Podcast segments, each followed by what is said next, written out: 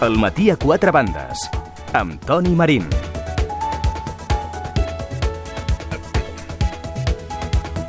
Les 10 i 6 minuts, aquí estem en directe a Ràdio 4, això és el matí a quatre bandes, dia molt intens, eh? ja veuen vostès des de tots els punts de vista, des de primera hora, quan hem eh, començat avui el nostre programa, la intensitat dialèctica d'una jornada com aquesta queda perfectament palesa, i és normal, tenint en compte els temes que tenim al damunt la taula i que comentem a continuació amb els nostres joves. Avui amb nosaltres Gina Giró, què tal Gina, bon dia? Hola, bon dia. La Gina és membre de Pompeunomics, ens acompanya el Rodrigo Martínez, ah, que, que riu perquè he dit bé Pompeunomics, no?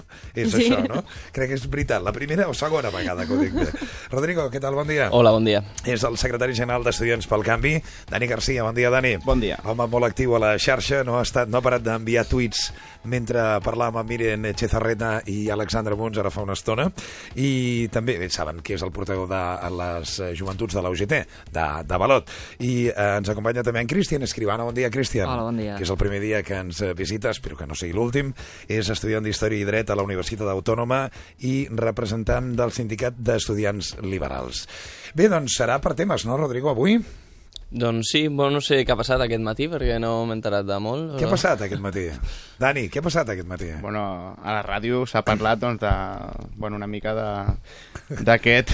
M'agrada aquest concepte del que passa aquest matí, el que s'ha parlat a la S'ha ràdio. parlat de ràdio. Està Home, bé, la ràdio no deien que era el que passa, passa a la vida en, vi- en temps real o una cosa així? Passa no? la vida a temps real, és veritat, era, això. una, era una cosa així, no? És veritat. La definició. Home, estaria bé, per exemple, estar a la trobada que avui mantenen Artur Mas i Oriol Junqueras. Junqueras. Junqueras per veure si efectivament hi ha acord o no, perquè el que sí és una evidència és que ja es posa en marxa aquesta nova legislatura, dilluns es constitueix el Parlament, diuen que probablement a finals de la setmana vinent hi haurà aquest ple d'investidura gràcies a l'acord amb Esquerra Republicana. Home, sí que m'agradaria una primera visió de com veieu tot aquest assumpte. Va començar amb la Gina. Um, bé, jo ho veig que és evident que els dos líders dels dos partits estan fent bastants esforços per intentar doncs, arrossegar el que és el- Esquerra Republicana per part d'Oriol Junqueras i Convergència i Unió per part d'Artur Mas i estan fent reals esforços per intentar arribar a aquest acord que és evident que és molt, molt important perquè Catalunya es pugui governar en els pròxims anys perquè tal i com van, van ser els resultats de les eleccions, Catalunya es quedava en un panorama gairebé ingovernable. El que a mi m'estranya és que el PP, com sempre, està doncs, molt poc disposat a contribuir a la unitat del país i a que el país pugui seguir endavant i, com sempre, tinc la sensació que només estan posant traves al, doncs, el que seria arribar a un acord entre els líders dels partits polítics. Dani, tu què dius? Doncs, bueno, tenen una difícil tasca, sobretot perquè hi ha coses que seran molt difícil que arribin a acords, com pot ser el tema de retallades. El president Mas ja va anunciar que durant aquesta legislatura, o els pressupostos que s'han d'aprovar eh, gairebé de manera imminent, s'han de retallar 4.000 milions d'euros. Això és una destralada, total. Clar, eh, Oriol Junqueras no està per la labor d'estar en un govern que faci doncs, aquestes retallades, sobretot en àmbits socials. El que també és veritat que tenen un punt en comú doncs, era el tema de la consulta sobiranista, eh, que és un dels principals factors o un dels temes que va estar sobre la taula durant aquesta, eh, bueno, aquesta campanya electoral. Per tant, doncs, no sé, suposo que hi hauran de, hauran d'arribar algun acord, però hem d'acabar de veure, a veure qui d'alguna manera presideix les, les conselleries i quin equip formen doncs, per tirar endavant el país. Cristian, què et sembla? Mm, bueno, bé, el temps ho dirà, però jo crec que aquest pacte que duran a terme Convergència i Unió i Esquerra pot acabar en un relatiu fracàs, perquè són moltes coses que han de posar en comú i són dos partits que tenen postures totalment diferents. Els 4.000 milions als que feia referència el company seran difícils de retallar, perquè estem en una situació molt difícil. I l'Oriol Junqueras jo el tinc de professor i és un home molt llest i ha fet bé això de no voler entrar al govern perquè entrar al govern seria desgastar-se i ella ho sap de, per experiència que entrar a un govern que ha de fer retallades o que ha de prendre mesures difícils eh, és garantia de perdre vots i l'Oriol Junqueras no s'hi arriscarà li votarà moltes coses excepte aquelles que jo crec no fan amb el seu partit, però haurà de fer molts esforços per posar-se en comú amb l'Artur Mas. I tu què dius, Rodrigo? Bueno, jo ho veig tot una mica negre perquè jo no he, no entès res des de que Artur Mas va agafar aquest paper seu d'heroi, de, de salvador, de, salvador del mundo Però, bueno, jo opino el mateix, crec que Esquerra no entrarà en el govern perquè, perquè no pot, perquè pot sortir molt malament d'allà, i, i ja recordem com va acabar el tripartit, que no, no va anar gens bé. Llavors jo crec que no s'arriscarà, que estarà allà, que, que recolzarà algunes mesures, que altres doncs, dirà que no, perquè no pot eh, dir que sí a tot, i bueno, ja veurem. Jo ara mateix, de veritat, és que no sé què passarà, no, no tinc ni idea. Ni idea, eh? Ni idea. En fi, A, a mi m'agradaria és que tinc un petit dubte, és a dir, jo entenc perfectament i és evident que l'acord entre aquests dos partits és molt difícil perquè ara ja s'ha tocat os, os i fer més retallades és gairebé impossible. Avui mateix ens han dit que també haurem de pagar per les ambulàncies. La justícia està sublevada, la sanitat també. És a dir, el panorama és molt difícil. Però el meu dubte és, Esquerra Republicana, quan es presenta a les eleccions, que a mi personalment em va agradar molt tota la campanya electoral que van fer, és a dir, no es presenta per intentar guanyar-les. Llavors, si tu et presentes a, una elecció, a unes eleccions i després t'ofereixen entrar a un govern i dius ai, no, no, és que em desgastaré. No entenc gaire el sentit de, No, no, jo- de polític d'això. És a dir, si tu et presentes a unes eleccions i, com deia el mateix Oriol Junqueras, amb ànim de guanyar-les, després per què no vols entrar al govern? Perquè- Això de no desgastar-se és molt fàcil. Ja, però perquè has de has d'agradar al teu electorat i has d'agradar a les has a les persones i si aquestes persones han votat per un programa eh, en contra de les retallades, el que no pot ser és que recolzi mm, a ultranza a un govern que, que ja ha fet moltes retallades i que té un pla de, de moltes més retallades. Llavors, Això- jo crec que té una responsabilitat amb Sí, no, ho el seu entenc perfectament, electorat. però llavors el plan alternatiu de no fer retallades és que m'encantaria saber-lo. Jo últimament m'estic tornant molt escèptica respecte a Europa perquè evident, estic veient que això de les retallades no sé fins a quin punt ens compensa, però no entenc llavors quina era la idea de govern d'Esquerra Republicana en un món sense retallades i dins de la Unió Europea. No bueno, jo crec que eh, l'utopia d'Esquerra era continuar amb la cultura de la subvenció aquesta que tenim i jo crec que per altra banda, això que dius de no voler entrar al govern també va molt encarat a... Esquerra va prometre a 2014 el referèndum i s'està veient que serà bastant impossible o poc probable Diuen aquest que referèndum. Data, no? Mm? Diuen que ja hi ha una data sobre la taula, Sí, que diuen- del 2014. Però estan negociant i aquesta data, o sigui, fa dos dies estàvem parlant d'independència ja i ara la Irene Rigau està negociant amb el ministre Wert retocar la, aquesta No està nova... negociant, No, ha no, dit que no. només dialogava. Home, fins al negociant. 2014... Hi ha coses que no es negocien. Està molt bé. Avui, avui aquest programa, avui, de veritat que m'agrada, eh? perquè avui els tertulians van sols, i això és el millor que pot passar en una tertúlia. Però aquest és un tema molt important, perquè vosaltres sou estudiants, la majoria. I eh, ahir la comunitat educativa sortia al carrer, i sortia al carrer en protesta, i a mi em va cridar molt l'atenció moltes pancartes, perquè eh, és veritat que inicialment la crida estava feta eh, per anar en contra de l'esbor... o del projecte d'esborrany, de fet, no? Eh, del ministre Wert. Però també es veien moltes eh, pancartes contra la llei d'educació de Catalunya, i això ens ho explicaven en, en el programa ahir, eh, que no estaven eh, d'acord alguns dels eh, sindicats que havien convocat aquesta manifestació amb moltes de les històries que contempla l'actual llei d'educació de Catalunya. El Rodrigo és el primer que demana la paraula. Bueno, no, jo és bueno, vam estar l'altre dia reunits, els, els que som membres no, del claustre d'estudiants de, de la UB, i bueno, es va parlar tot això, no? i si es recolzava la, la protesta i totes aquestes coses. I clar, bueno, allà com, com tens, tens els sindicats d'estudiants, cadascú bueno, amb, amb la seva afiliació política, que mai no saps però se'ls veu, eh, estaven una mica... El qual és lícit, no? Eh? És lícit. És lícit? Sí, sí, sí, és lícit. Clar, home. el que passa és que a vegades mm, m'agradaria que ho diéssim més clar, no? Ja. Eh, però bueno, eh, no, està... Eh, el que s'estava discutint una mica és que, és que el govern de Catalunya eh, estava acceptant la llei de Wert.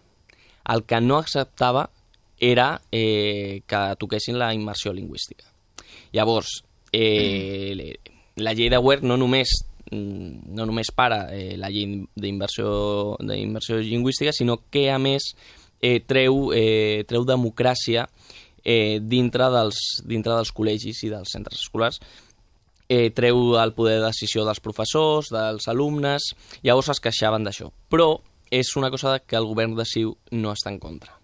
Llavors, per això eh, es, va, bueno, es va criticar molt també al, al govern de Catalunya i, i, les, i, bueno, i la seva actitud davant, davant les propostes de, del ministre d'Educació. Mm. També suposo que una de les coses que es criticaven al govern de Catalunya són les retallades que s'han patit tots els centres educatius durant l'últim any. També. Vull també. dir- Sí, sí, és que, és que en el fons eh, la política d'educació del govern de Catalunya, de, bueno, de, de Convergència, eh, està sent una, molt, molt semblant a la, a la del govern central. Llavors, en això no, no, no discutiran molt, eh, però sí que tindran problemes amb el tema del català. Sabeu què deia ahir la presidenta de l'associació Rosa Sensat, que com sabeu és una de les associacions més importants de mestres que hi ha a Catalunya, que tot plegat, tot aquest tema de la immersió lingüística, deia ella, li amoïnava poc perquè en realitat es tractava d'una cortina de fum i que el que ella li amoïnava, i crec citar literalment les seves paraules, és que la, aquest esborrany del ministre Huert era un retorn al neo, eh, neocatolicisme, que l'escola tornés al neocatolicisme, deia ella.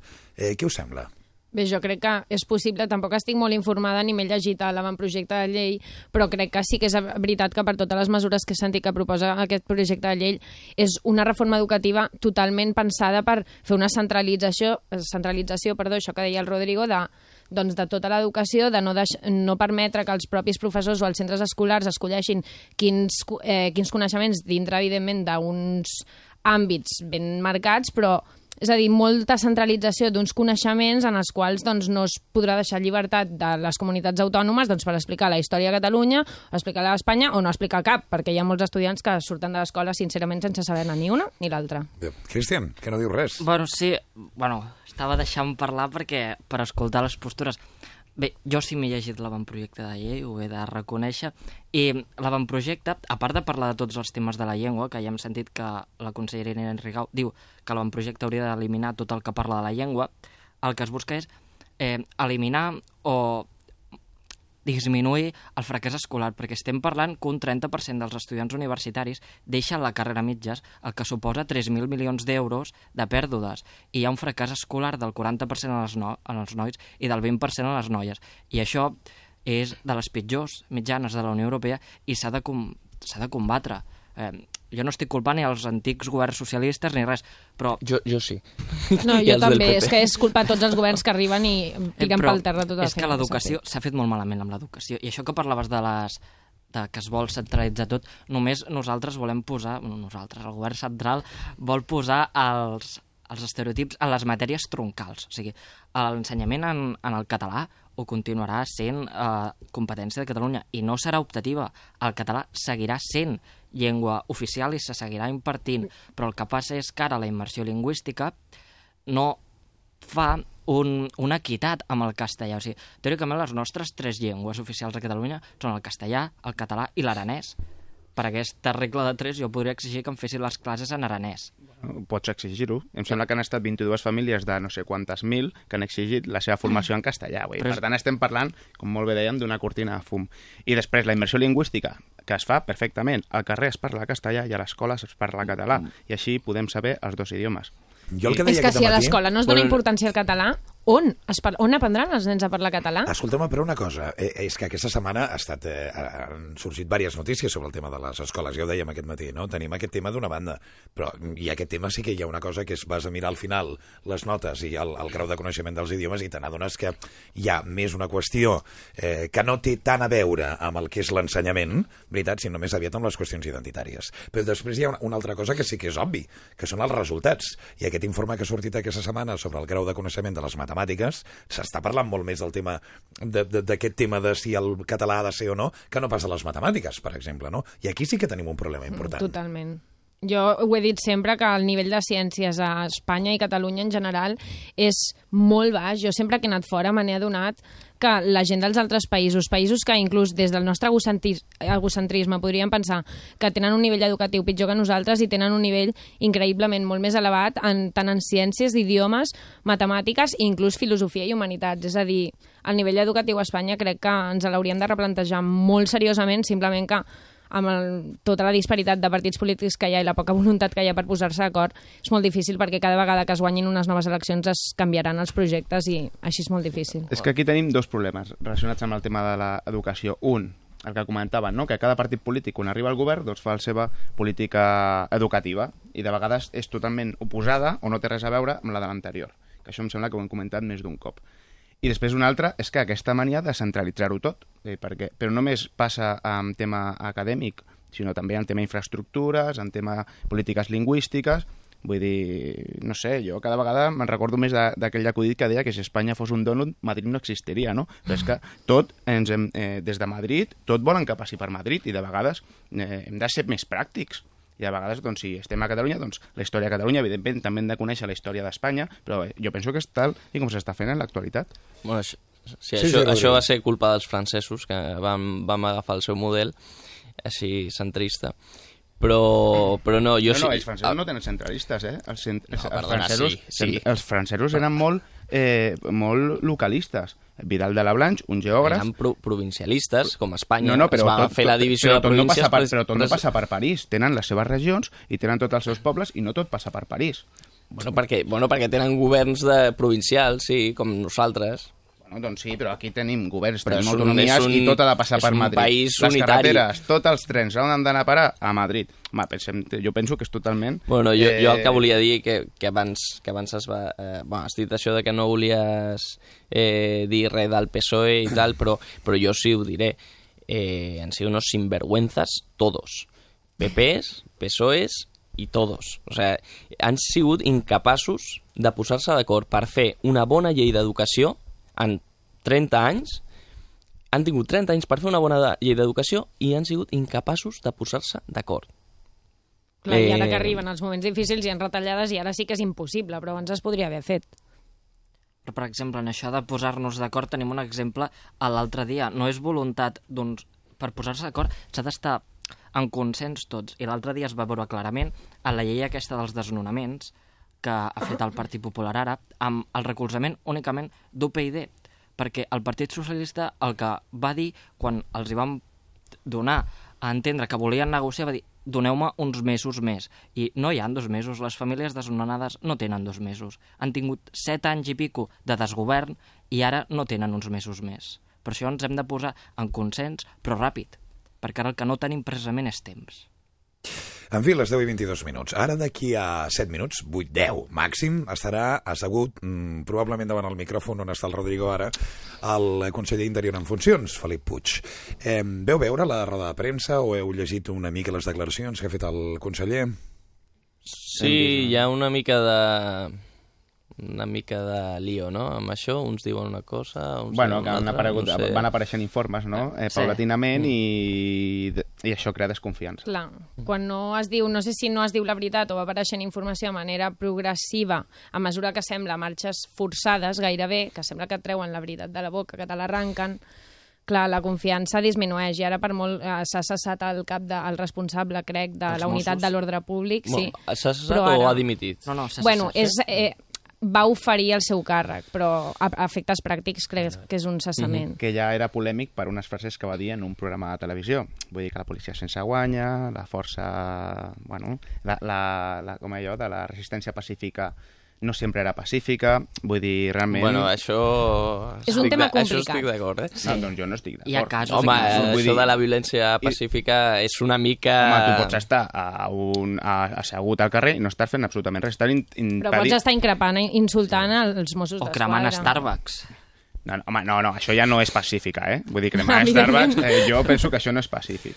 Quan diem Starbucks volem dir Sí, qualsevol de qualsevol, Starbucks. qualsevol va veure. Ell El que deia sí- que no fos una violència molt direccionada. La que, No. que I, després, aquí queda palès, doncs, un cop, aquell, aquell, avui que estic així una mica de, de, de dites, d'allò que una imatge val més que mil paraules. I clar, quan es veuen vídeos on surt aquella zona, on hi ha, eh, no sé, hi ha, no sé, hi ha com actuacions que queden en evidència, doncs aquell informe on no diu la veritat o aquell informe no està ben fet.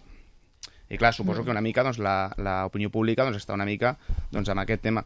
Jo, personalment, penso que les, eh, les pilotes de comes haurien d'estar prohibides.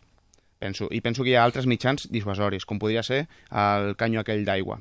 Per què? Per una senzilla raó. Perquè si la intenció és dissuadir, tu al canyo veus d'on ve i si no vols que et doni, doncs marxes. Una pistola de goma, una escopeta d'aquestes de boles de goma, llença al terra ha, i es rebota i tu potser estàs perquè jo surt a 700 km hora i potser t'arriba i tu estàs a un altre carrer i no, no tens absolutament res a veure amb aquella acció que s'està fent allà localment. Totalment d'acord. Sí, Jo el, també estic d'acord. El que està clar és que aquí costa molt que un deixi la cadira i per molt que ara digui el senyor Puig que va oferir el seu càrrec a l'Artur Mas, aquí ningú dimiteix per gust.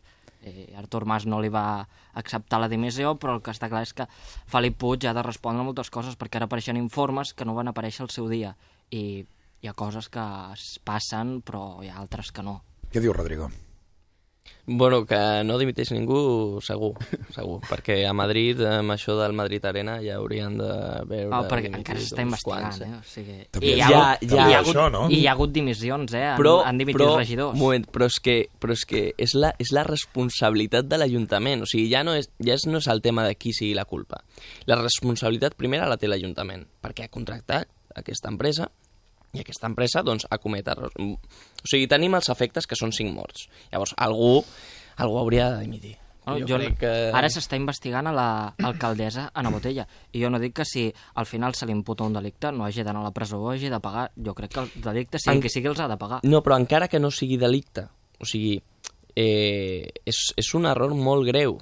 Mm, És una falta de responsabilitat teva de, de que és el teu ajuntament, tu has firmat aquell contracte que a més, eh, no sé si em sem no ha sortit molt, però em sembla que l'empresa Diviértete tenia deutes i l'Ajuntament no pot contractar una empresa amb deutes que això podria tenir problemes més endavant. Bueno, Bueno, que si hi ha diverses irregularitats, com molt bé diu company, s'està Sí. investigant i suposo Sí. que després es, eh, algú doncs, haurà de respondre davant d'aquestes responsabilitats. les I una mica agafant el tema anterior, volia fer referència a... Al micro, Dani. Ai, perdona. micro. Volia fer referència a que nosaltres, eh, nosaltres com a societat, eh, o sobretot la classe política, de vegades eh, eh, tenim molt, mm, d'una manera molt gratuïta agafar totes aquelles coses dolentes d'altres països, però a coses que realment funcionen a altres països no les incorporem al nostre. Un d'aquests seria els mitjans dissuasoris. No? Em sembla que a Alemanya els, a la policia d'allà doncs, porta uns números així de grans per veure qui és el policia que està fent aquella actuació, no una plaqueta així de petita, perquè això evitaria alguns problemes. I després un altre doncs, seria el tema de les pilotes de goma. A altres països europeus està prohibit i, estan, i tenen incorporats altres mesures dissuasòries. Doncs per què no les incorporem? És una pregunta que jo deixo a l'aire i espero que després a, a la següent tertúlia doncs, eh, es pugui respondre.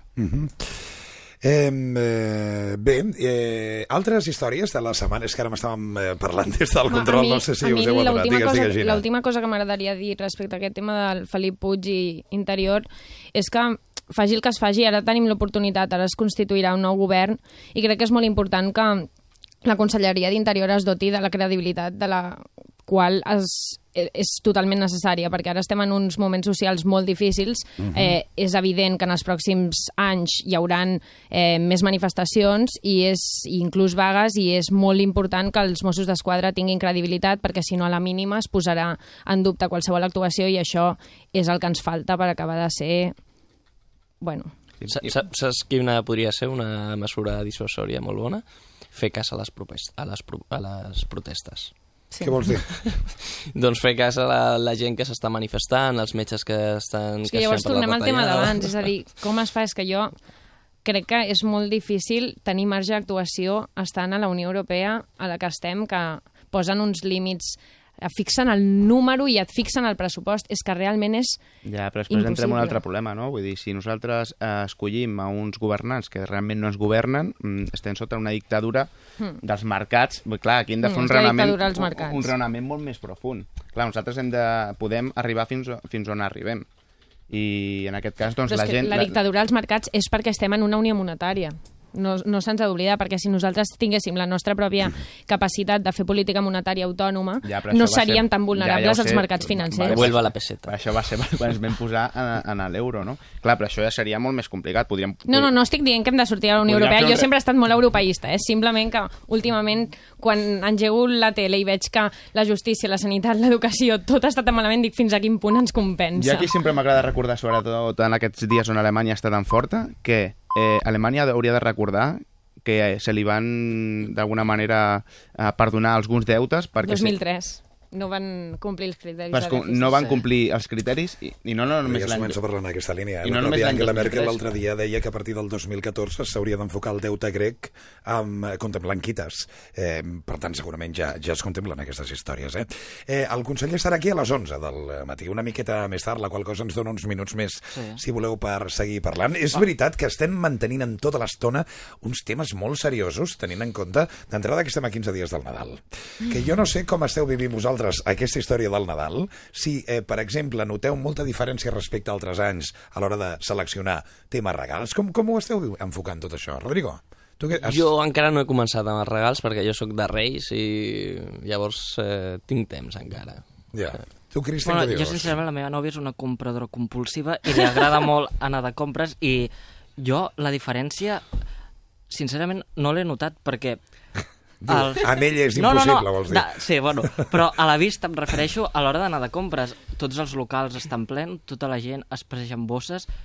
Sincerament, la diferència amb el Nadal passat no l'he vista de cara a, al públic. Ja. O sigui, m'està sorprenent molt. Això sincerament. l'altre dia, eh, que hi ha molta gent amb ganes de comprar i que es nota que hi ha molta gent contenint-se i amb ganes de, per, encara que sigui uns dies, tenir una sensació de certa normalitat, no, Dani? Sí, bueno, jo veig molta gent pel carrer, eh? amb bosses no t'ho podria acabar de dir. El que sí que és veritat doncs, que molts comerços no posen rebaixes, però sí que estan aplicant descomptes. I bueno, imagino que l'associació de comerciants doncs, tenen moltes esperances doncs, amb aquests dies que realment comporten eh, les vendes més grans potser de tot l'any. No? Ja, i, i tu què? Uh, jo, de moment, el prenadal no l'estic vivint gens, perquè estic tancada a la biblioteca estudiant tot el dia, que estic d'exàmens, però sí que és veritat que crec que, mm, bé, la gent al Nadal és com el moment d'esperança, el moment més feliç de l'any per moltes famílies, no per tothom, i llavors surten al carrer, els agrada anar a passejar, i és veritat que a la gent li agrada anar al carrer, però no crec que estiguin comprant tant com els altres anys, i també serà això que deia el Dani, de que s'estan aplicant descomptes i ofertes molt especials. Però, sincerament, no crec que els nivells de compres siguin com en els anys de bonança, però... Ja. Aquí, aquí podríem recuperar un tema que va sortir l'any passat, que realment no sé com va quedar, que era el de la pista de gel. La pista de gel que aquest any Sí. s'ha tornat a fer. tornat a fer. Hi ha coses que eh, es fan cada any i són coses que són obligades. Poseu-vos els auriculars, que això vull que ho escolteu tots. Perquè eh, jugueu a la loteria o no? Vosaltres? una mica. Sí, I rifes? Teniu alguna papereta d'alguna rifa o no? Sí, per fer algun favor, sí. Algun favor. Bé, aquí el favor ens el farien ells, si ens eh, toqués. Si vostè és oient habitual del matí a quatre bandes, sabrà perfectament que en els últims anys, cada any, parlem de la mateixa rifa. I no és una rifa catalana. Marxem fins a Calamotxa, a Terol, perquè és la rifa més bèstia que ens puguem imaginar. Eh, aquest any té una moto Harley edició limitada, un mini coupé descapotable, una miniatura teledirigida del Mini, un Range Rover, dues bicicletes amb bateria, una Vespa 125. Espera que continuo, pero antes saludo a Mariano Sanz. Mariano, ¿qué tal? Buenos días. Hola, buenos días, ¿cómo estáis? Pues contento de saludarle como cada año. ¿Qué tal usted? Muy, muy bien, aquí estamos fresquicos, eh, pero que muy bien, muy bien, muy a gusto. Bueno, no Esperando sé- esta Navidad, que es lo que nos gusta y muy, muy contentos. Cualquiera diría que hay crisis mirando su cesta, ¿no? La verdad que, que es una, una, una de las maravillas. eh, cada día eh, está más visitada, eh, viene más gente a verla y estamos muy contentos. Porque mire, yo he dicho unas cuantas cosas, pero también tiene una tele de última generación, eh, Sí. un- iPhone 5, Sí. un viaje a la Polinesia. Sí, a la policía francesa. Qué bien. Relojes. El relojes son Cartier, Ballon Bleu, acero y oro. No está mal, ¿eh? Un Los barril de... bolsicos también son de Louis Vuitton. Sí. Lleva todo lo último del mercado. Bueno, lo que la gente normalmente nos pide, que nos le gustaría tener para Navidad, intentamos conseguirlo. Unos cuantos jamones. Sí, la verdad que tenemos los de Calamucha, que es el rey del jamón, Sí. el denominación de origen, el lago de jabugo, lomos, chorizos, eh, salchichones. Hay lingotes de oro también, ¿no? Sí, el lingote de oro tiene dos lingotes de oro que valen 80, a ver, 82.622. Bueno, y por si uno no tenía bastante, también hay dinero en efectivo. No, no, eh, bueno, dinero en efectivo no es para que tengan el dinero en efectivo, claro. Ah, claro. Y lotería, lógicamente. De lotería también tenemos todas las series de la lotería, Sí. marcando del 0 al 9 y la casa que es el 2 y el 8, que Oh. lleva tres series de cada una. O sea que algo toca seguro. Eso seguro. Segurísimo. Oiga, ¿y cuántos decimos, hay cuántos números han vendido? Eh, se han vendido pues todo lo que es la Lotería Nacional, de 100.000 números. Se han vendido en dos semanas y algo más. Y también os voy a decir una cosa, voy a dar las gracias eh, a estos de Barcelona que han venido familias a ver la sexta, han estado con nosotros y que, que son de fábula, como un tal Jesús Martínez, familias así que vienen casi todos los años. Claro, oiga, dígame una cosa, ya en los años eh, de antes, ¿no? Cuando a alguien le toca su cesta, mi gran pregunta siempre es la misma, ¿cómo se la llevan?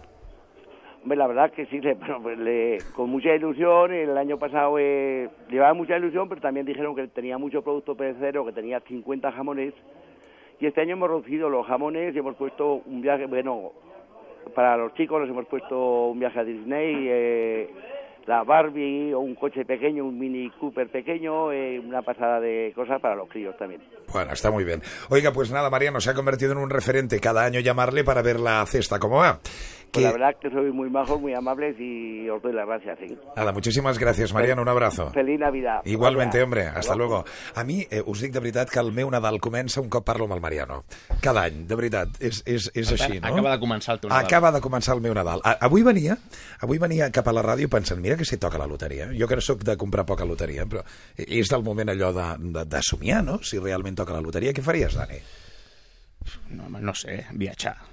Viatjar segur, no? Viatjar segur. Potser Segur. un any sabàtic, no sé. I després estalviar, que tal com està la cosa, no saps què passarà demà, no, pots, no t'ho pots gastar tot. Clar, Gina, què faries tu? Jo exactament el mateix que ha dit ell. M'encanta viatjar, però també intentaria fer un, un bon coixinet pel futur que sempre es necessita. És curiós perquè mai abans havia sentit a gent eh, parlant dels coixins de manera tan clara com aquest any. Cristian, tu què? Jo, bueno, jo primer m'agradaria acabar les, les meves carreres, però després el que sí que m'agradaria, perquè sempre ho he tingut i és un somni, obrir un cafè. Un cafè? Un cafè, sempre m'ha... he tingut... I mira que jo vull ser professor, però sempre m'agrada la idea de tenir un cafè. Jo tinc si un molt togués- bon És distribuïdor molt de cafè, si el bucòlic. necessites. Sí, sí, sí. Um, ahir me'n parlaven. Tinc un molt bon distribuïdor de cafè, en un moment donat, si ho Mira, necessites. allò t'ho diré. Rodrigo, tu què faries? Doncs suposo que tenir temps lliure per pensar què faria. Sí. No, no ho sé, no ho sé. Són molts, molts diners i necessites molt de temps per, per treure-te'ls de, de Bueno, no és sobre. tant, eh? Són, sembla són 300.000 euros, eh? El... Bueno, clar, si compres molts... Tres- Que 300.000 no, no, euros. no sabria per on començar. A mi em to, jo sí, però a mi em toquen 300.000 euros. Vaja, quina festa, Home, no? sí, però vull dir que no pots deixar de treballar. Vull dir, 300.000 euros és, són calés, evidentment, però vull dir que tampoc et solucionen tota la vida. Ah, amb especulació, a lo millor Tu podria... estàs pensant en especular. Ah, per cert, parlant d'especular i aquestes coses i de defraudar i de més, què us sembla aquesta iniciativa del govern de publicar els noms dels, eh, de la gent més morosa? La... Em sembla perfecte. Això ja us- hauria d'estar publicat fa anys. Penso igual, penso igual. És una manera de fer que la gent eh, no es, estafi Hisenda i, a més, pagui tot el que hauria de pagar. Ahà. Jo crec que és molt bona mesura. Què dius? Jo, bé, ho estava pensant ahir, encara he de decidir què em sembla, perquè per una banda és cert que mm, em sembla molt bé, perquè així s'incentivarà, com ha dit el senyor Montoro, en principi, a que hi hagi menys estafes a Hisenda, però també, per altra banda, em sap com greu que s'hagi de fer, perquè és una invasió a la privacitat de, de l'individu i també és cert que si, si no m'equivoco es publicaran els noms de les persones que no paguen perquè no poden i llavors em sap greu fins a quin punt això els hi pot fer imagino mal a certes regular, no? persones. Imagino És a dir, si es, si es publiquessin només els noms dels que estafen a Hisenda o els que tenen comptes a altres països, etc, estaria encantadíssima de la vida. Però si també es publiquen els noms de la pobra gent que realment no pot pagar els impostos, em sap greu. Jo, jo crec que no, jo, jo estic en contra... O sigui, estic d'acord amb el que has dit tu, que, que és una violació de la privacitat i que hi ha gent que no saps per què no està pagant aquest deute, perquè si és realment perquè està estafant o perquè no pot, o perquè les polítiques del mateix govern que està posant aquesta llista eh, no poden ajudar a aquell empresari que no, no paga els seus deutes. No? Jo crec que també que hi ha altres mesures de que la gent, eh, d'alguna manera voluntària i des d'un punt de vista, un reforç positiu, pagui els seus impostos. L'altre dia sortia un programa de televisió també, el senyor Ferran Adrià, i li preguntaven si ell pagava tots els seus impostos. I va dir, jo pago tots els meus impostos a Catalunya i em fa vergonya, o em faria vergonya, fer-ho d'una altra manera. Penso que la gent pública, la gent que té un reconeixement eh, públic, hauria de sortir al carrer o als mitjans de comunicació també per dir les coses bones. I dir, mira, no, no, jo pago els meus impostos a Catalunya o al país, que sigui, i que no faig evasió d'impostos. I pago molts, però estic content de pagar-los perquè d'aquesta manera, doncs, eh, d'alguna manera es manté l'estat de benestar que es beneficiem tots. Molt caram, eh, t- t'hauríem posat una música i tot per fer-ho maco, això, eh? Senyores i senyors, 20 minuts, aneu bé de temps? Sí? Mm, Us sí, quedeu una sí. estoneta més? Sí. 20 minuts eh, més i arribem a les 11 del matí. Cristian, quina és l'última pel·li que has vist? La última pel·li que vaig veure, ostres... Que vaig veure significa que fa temps ja, eh, d'això. Sí, sí, al cinema et refereixes perquè fa molt que no vaig al cinema, eh? Algú d'aquí ha anat eh, fa poc al cinema o no? Jo. I què has vist, jo Gina? fa poc vaig veure la James Bond, que em va sorprendre, perquè no acostumo a ser gaire fan d'aquestes pel·lícules, sincerament.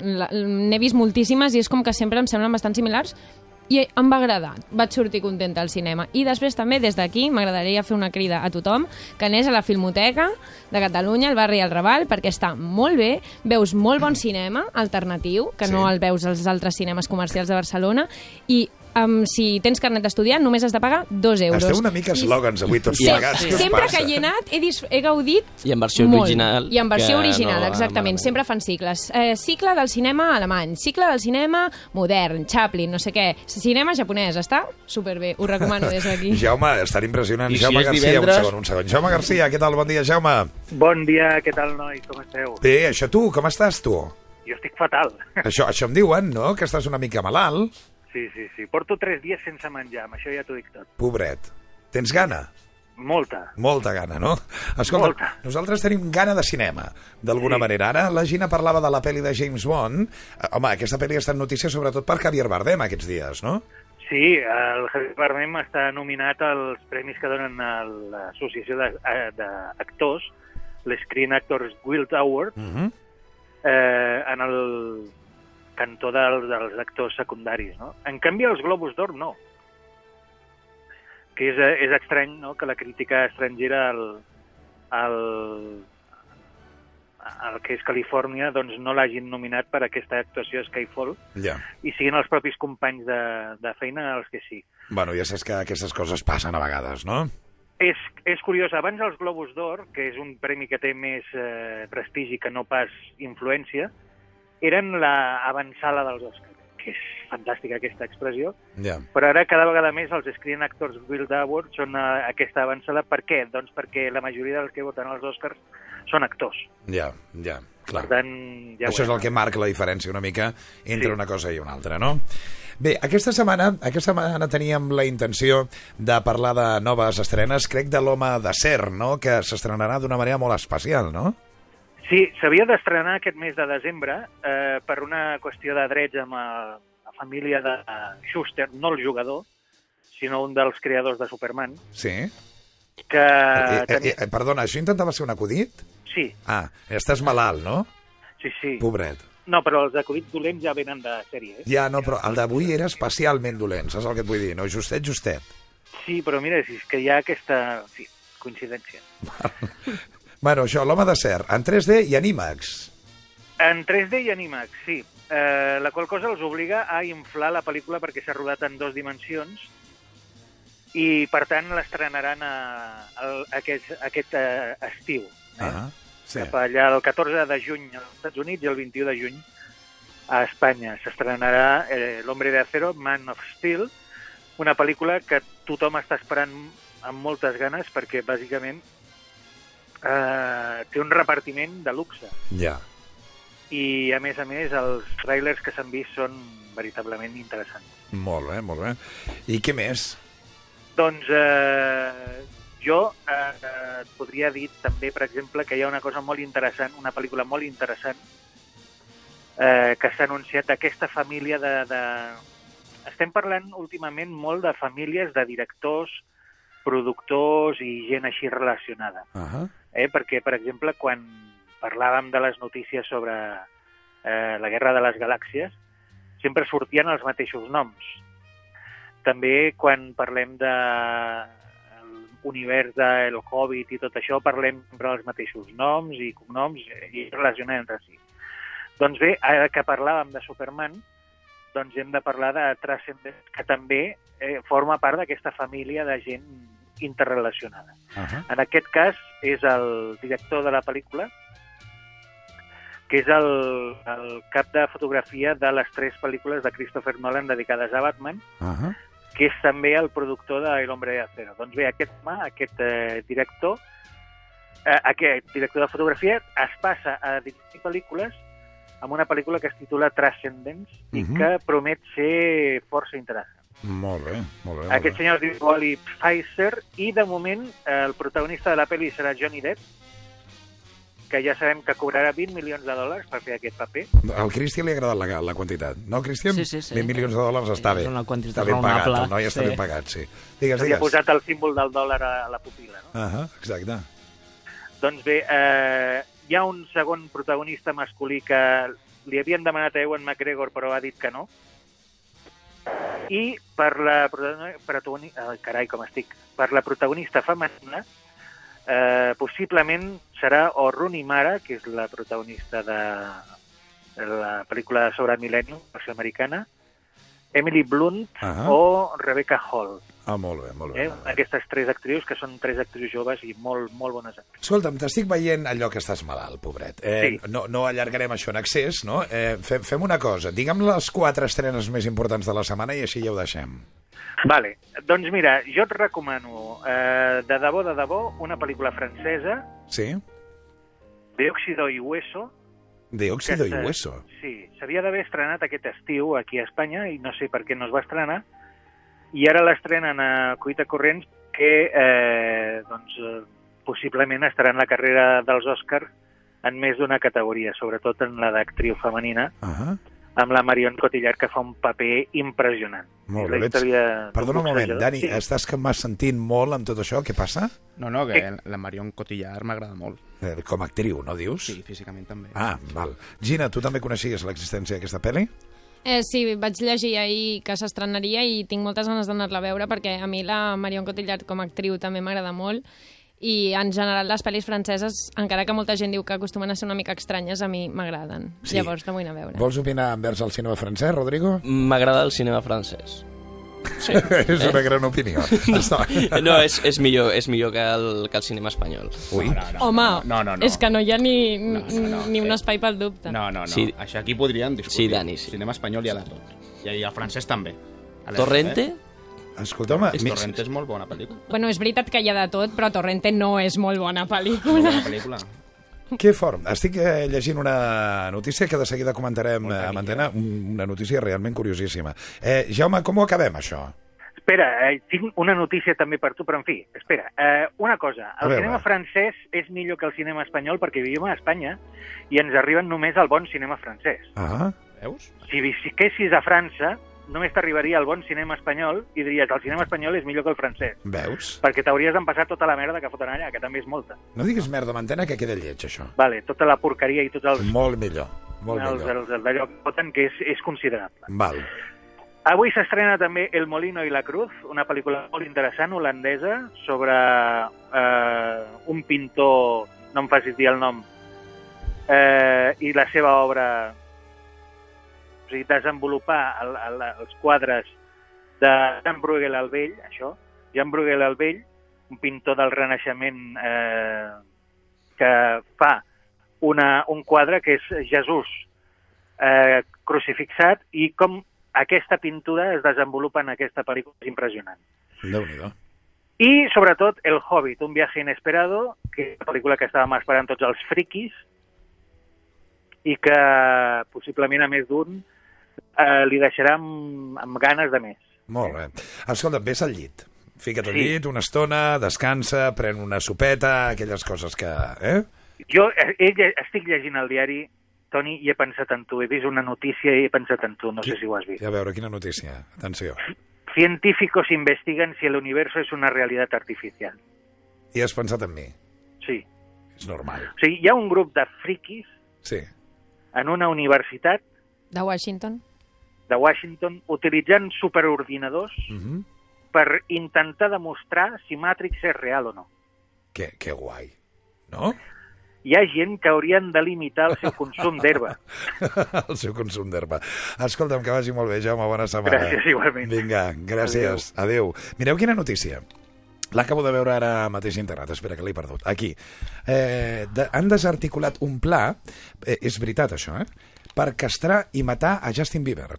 Era un, eh, eren tres persones, tres homes. Eh, no, no té cap mm, gràcia, eh, aquesta notícia. Estem parlant d'un tio de 40 i algun anys que sembla ser que estava absolutament obsessionat. Traiem la, traiem la música, si plau. Perdó, traiem la música, si plau. Ho dic perquè era un pla molt, molt, eh, molt dur per segrestar i matar el cantant. Eh, L'home tenia uns 45 anys, eh, estava obsessionat, sembla ser, amb, amb Justin Bieber, fins i tot té un tatuatge a la cama d'ell, a la confessió que va fer a la policia, va dir que havia planificat matar Justin Bieber perquè el cantant no li responia les, les seves cartes i, per tant, es sentia menyspreat. Quines històries, no, Rodrigo? Sí, sí, eh, és una mica estrany tot. A veure, aquest, aquesta persona no, no està bé, bé del cap. No, això és evident, no? Sí, però aquesta persona comptava amb la col·laboració de dues persones més. És a dir, que havia mm, extrapolat la seva malaltia, diguem-ho així, a altres històries, no? Sí. Bueno, jo el primer que faig cada cop que obro el diari i em llegeixo La Vanguardia és anar directament a les pàgines grogues a taronges a les centrals perquè ja, jo sóc molt de cotilleos i sí que he llegit aquesta notícia i, i m'ha sobtat molt perquè era un home que estava a la presó Sí. i eh, havia contractat a dos altres que eren amics seus per segrestar i matar-lo. Jo m'he quedat... I castrar-lo. Sí, sí, Matar-lo perquè- i castrar-lo. A veure, constantment veiem pàgines al Facebook i aquestes coses de matar a Justin Bieber i aquestes Ah, coses. sí? Jo no. Sí, sí, sí, a Facebook eh, és un tema candent, però que es porti a la realitat no...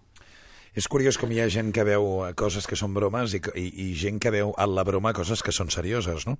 Eh, algun comentari sobre tot plegat o no? Bueno, només dir que imagino que això ha passat als Estats Units, no? Eh, I que de vegades... eh, mira, no ho sé. No, Allà posen alguna cosa a l'aigua, ja em sembla. I de vegades, doncs, la realitat superarà ficció. No sé. Però gent boja hi ha tot arreu i Sí, cada sí. vegada més, perquè l'altre dia, bé, jo és que sobre aquest tema no tinc opinió perquè em sembla tan una bogeria que no sé, no tinc res a opinar, però també l'altre dia vaig sentir que una, havien enganxat a una noia que s'havia obert els pits per ficar-se droga dins. Vam o sigui... donar la primícia a aquest programa. Sí. Ah, sí? Sí, no me n'havia enterat, enhorabona, llavors. Eh, no ho sé, és una altra bogeria, és que cada, cada dia se'n senten Això i... és una altra història, de tota manera, eh? perquè estem parlant d'entrar drogues en un país hi ha gent molt, molt desesperada, m'imagino jo, no, que però també em sembla molt... Bueno, sí, sí, suposo que la desesperació és un factor important, però em No? sembla Fixa't, coneixem una mil bogeria. casos, en coneixem mil casos de gent que ha, ha fet tràfic d'heroïna amb preservatius dins l'estómac, que és una cosa que sempre eh, ho diuen els metges, que es trenca un d'aquests preservatius i la persona mora de manera immediata. Per tant, aquí segurament estem atenent a altre tipus de raons, no? Més la desesperació, més la necessitat d'aconseguir uns diners, no, Dani? Sí, bueno, la, la dificultat d'aconseguir diners, la no sé com dir-ho, la venda de motos per part d'altres persones que s'aprofiten de persones que potser no tenen la cultura i els coneixements necessaris per poder fer segons quines coses i se n'aprofiten. Jo de vegades penso en la innocència de molta gent que ho està passant malament i d'altra gent que potser va una mica de gesta i que els enganyen, bàsicament. Déu-n'hi-do, eh? déu nhi Voleu fer algun comentari sobre això? Cap ni un. No, ja està, ja està bé, el Dani té molta raó, sí. sempre. T'agrada el, o sigui, la conclusió del programa d'avui, Rodrigo, és que t'agrada el cinema francès i que el Dani té molta raó. Sí, a vegades. Evidentment no tinc la raó absoluta ni sempre pretenc No, no, tenir no, no, això estic d'acord que és cert. Ai, és veritat, Madrid-Espanyol al cap de setmana. Guanyarà l'Espanyol. Jo espero Tenim- que guanyi Per una Madrid, vegada eh? guanyarà Uh. l'Espanyol, ja que el Madrid últimament ho Perdó, perd perdó, tot. un moment. Cristian, què has dit? Mira, jo sóc del Barça a mort, però és que no puc amb l'Espanyol. O sigui, és aquest sentiment de... No puc. L'última vegada que Prefereixo que guanyi el Madrid abans que guanyi l'Espanyol. Aquí tens uns quants pericos al voltant, eh? El Dani d'entrada. Ah, jo sóc culer, però evidentment prefereixo que guanyi l'Espanyol que el Madrid. Sí, què més? En Rodrigo, tu eres del Madrid? Del Madrid, sí, del sí. Madrid. Del Madrid, del I, Madrid. I com ho veus, això? Eh, jo ho veig bé. Amb, eh, no m'agrada guanyar-li a l'Espanyol perquè li tinc molt de carinyo i a més vaig ser soci i tot, però, però bueno, mm, haurem de guanyar. I l'embolic del vestidor que hi ha ara al Madrid, com el veus? Ah, el Mourinho, però aquest any se'n va, sí, o sigui que no... Però guanyareu problema. alguna aquest any o res? Sí, sí, la Champions. Ah, sí. sí. L'únic que queda, eh? Sí, sí. No, la, la Lliga per l'Atlètic de Madrid. Escolteu-me, tenim amb nosaltres l'Òscar Marín. Hola, Òscar, bon dia. Hola, bon dia, Toni. On anem de cap de setmana, Òscar? Doncs mira, jo us proposo avui un viatge amb globus, Ah, que bé. Bé. Que bé, i tant. que és una experiència doncs, que, que jo sempre dic que és de les activitats d'aventura que es poden fer al nostre país doncs la més màgica, no? perquè observar el món des del cel amb, amb la tranquil·litat i el silenci que t'ofereix aquest vehicle és una cosa que no fem habitualment i és una experiència que ens permet, entre altres coses, oblidar-nos dels problemes quotidians i adonar-nos del petits que som vistos des de dalt no? de, Ja. i de la grandesa del nostre entorn natural en comparació amb les preocupacions del dia a dia. És la visió més filosòfica del que a mi em transmet el viatge en globus. Eh, això hi haurà qui ho pugui experimentar i hi haurà qui simplement vulgui disfrutar d'una escapada divertida, que també és això, no? És una escapada divertida, eh, diferent, eh, on es pot participar des del primer moment. Eh, hi ha tot el procés de muntatge, que dura mitja hora aproximadament, que és un bon moment per participar, per fer fotos, doncs eh, cal, cal buscar un descampat ampli, doncs cal estendre tota la bossa a terra, cal inflar-la amb, un, amb uns grans ventiladors, llavors a poc a poc es va aixecant el globus, entrem a dins i comença la màgia, no? doncs eh, el vehicle s'aixeca, eh, l'aire calent el fa pujar i és una gran oportunitat per veure la gran diversitat de paisatges que tenim a, a Catalunya. Uh -huh. De viatges amb globus se'n fan sobretot a la meitat nord del país, des del Bages, eh, a la Cerdanya, a l'Osona, a la Garrotxa. Eh, hi ha moltes empreses que ho fan. Mm, jo el viatge que us explico en el meu blog, que és el Ple de Viatjar, Sí. allà hi veureu fotos d'un de, d'un- un dels últims viatges que he fet, és eh, el Pla de Bages, eh, sobre la ciutat de Manresa, eh, Santpedor, Callús... És un paisatge molt interessant perquè tenim cap al sud eh, la cara nord de Montserrat, que vista des del cel doncs, és molt impactant, i també el paisatge del Pla de Bages, eh, ple de camps, eh, de cultiu, doncs també és com una mena de manta, de patchwork, que és eh, molt bonic de veure també. Que maco, eh? És molt car, perdona, Òscar, és molt car fer un viatge d'aquests o no? Doncs mira, eh, no és barat, però tampoc no és una experiència caríssima. Està al voltant dels 150 euros per persona. Eh, aquests preus solen incloure doncs, també després un esmorzar de forquilla, eh, doncs, compartint l'experiència. També et donen normalment un, un llapis de memòria o un CD amb, amb imatges Ah. del procés, perquè sempre hi ha una persona de l'equip normalment que fa fotografies i així tu em portes de record també i realment és una experiència que val molt la pena doncs, tant per fer un regal o per fer un, una escapada allò dius, bueno, va, avui faig una excepció i, Sí que és maco, eh? La veritat és que és molt maco, eh? Escolta, tot això ho podem veure, com deies tu, en el, en el teu blog, el ple de viatjar, eh, i ho podem fer qualsevol dia d'aquests. Home, potser millor esperar una miqueta que faci menys fred, no?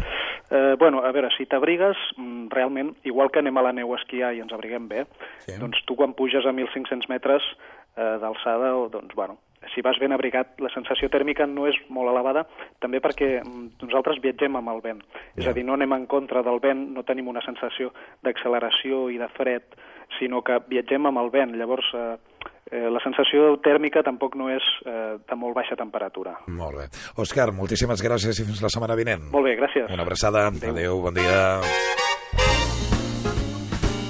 Una mica més de dos minuts per arribar a les 11 del matí. Ja està a les instal·lacions de Ràdio 4, el tenim eh, re, a 3 metres, el conseller d'Interior en funcions del govern de Catalunya. Immediatament després de les notícies de les 11 estarà en aquest programa Felip Puig. Amb ell podrem parlar de tot, de les coses que estem escoltant aquest matí, de les peticions de dimissió envers la seva persona, de què ha passat amb aquest cas d'Ester eh, Quintana, de les actuacions de la policia, una mica de tot plegat. En parlarem de seguida amb el conseller. I després arribarà en Camil Roca i la Carme Sánchez a parlar de sexe. Avui parlem d'addicció al sexe. Eh, què et sembla el tema de l'addicció al sexe, Rodrigo? Mm, no sóc addicte. De moment. Avui ets, i, i, són frases curtes però contundents. Contundents, sí. No, no, està bé. Cristian, algun comentari al respecte o no? No, no, eh, jo tampoc soc addicte, crec que és necessari, però no, no, no crea addicció. Almenys per mi no em crea No et addicció. crea addicció, eh? Dani, què dius? No, no, jo tampoc sóc addicte, encara que hi hagi moments que no ho sembli. Encara que hi hagi un moment... Aquesta ha estat una molt bona resposta. Gina, tu què dius? Bueno, el mateix. Estem parlant d'una cosa molt seriosa, eh? L'addicció al sexe, més enllà de la conya que pugui generar inicialment, en realitat és un No, no, és problema... un No, problema greu, és un problema és greu un- sobretot per la parella de la persona Qua- addicta. Qualsevol persona, qualsevol tema que comenci per addicte, el que vingui a continuació generi la conya que generi, estem davant un autèntic drama, eh, de- d'una Mm. Jo amb persona. això de vegades d'agafar les coses una mica amb humor, jo tinc una frase, que no és meva, eh? no sé de qui és. Estàs de frases Avui estic Sí, a fer, sí. que, que, di, que, que jo sempre intento, bueno, és un dels meus leitmotiv de vida, és agafa les coses importants amb humor i l'humor com una cosa important. Mira el que maco. És que l'humor és un signe de salut, jo crec, a, la, a les persones. Gina, Cristian, Rodrigo, Dani, ha estat un plaer tenir-vos aquí amb nosaltres. Cristian, vine quan vulguis, si ho saps, eh? Vale, encantat. Moltíssimes gràcies, que tingueu bona setmana. Gràcies. Gràcies. Eh, Dani, a cuidar-se molt. Continua amb tota la teva activitat tuitaire, eh? I és molt Twitter, el, el Dani. Eh, Gina, fins ben aviat. Bon cap de Eh, setmana. us he dit una altra vegada, eh? Pompeonòmics. Mira, i no m'he equivocat. Gràcies i bona Gràcies. setmana. Senyores i senyors, ens aturem res. 3-4 minuts, arriben les notícies, immediatament després, com ara comentàvem, amb nosaltres el conseller d'Interior del eh, govern de Catalunya en funcions, Felip Puig, visita avui al matí a Quatre Bandes. Fins ara mateix.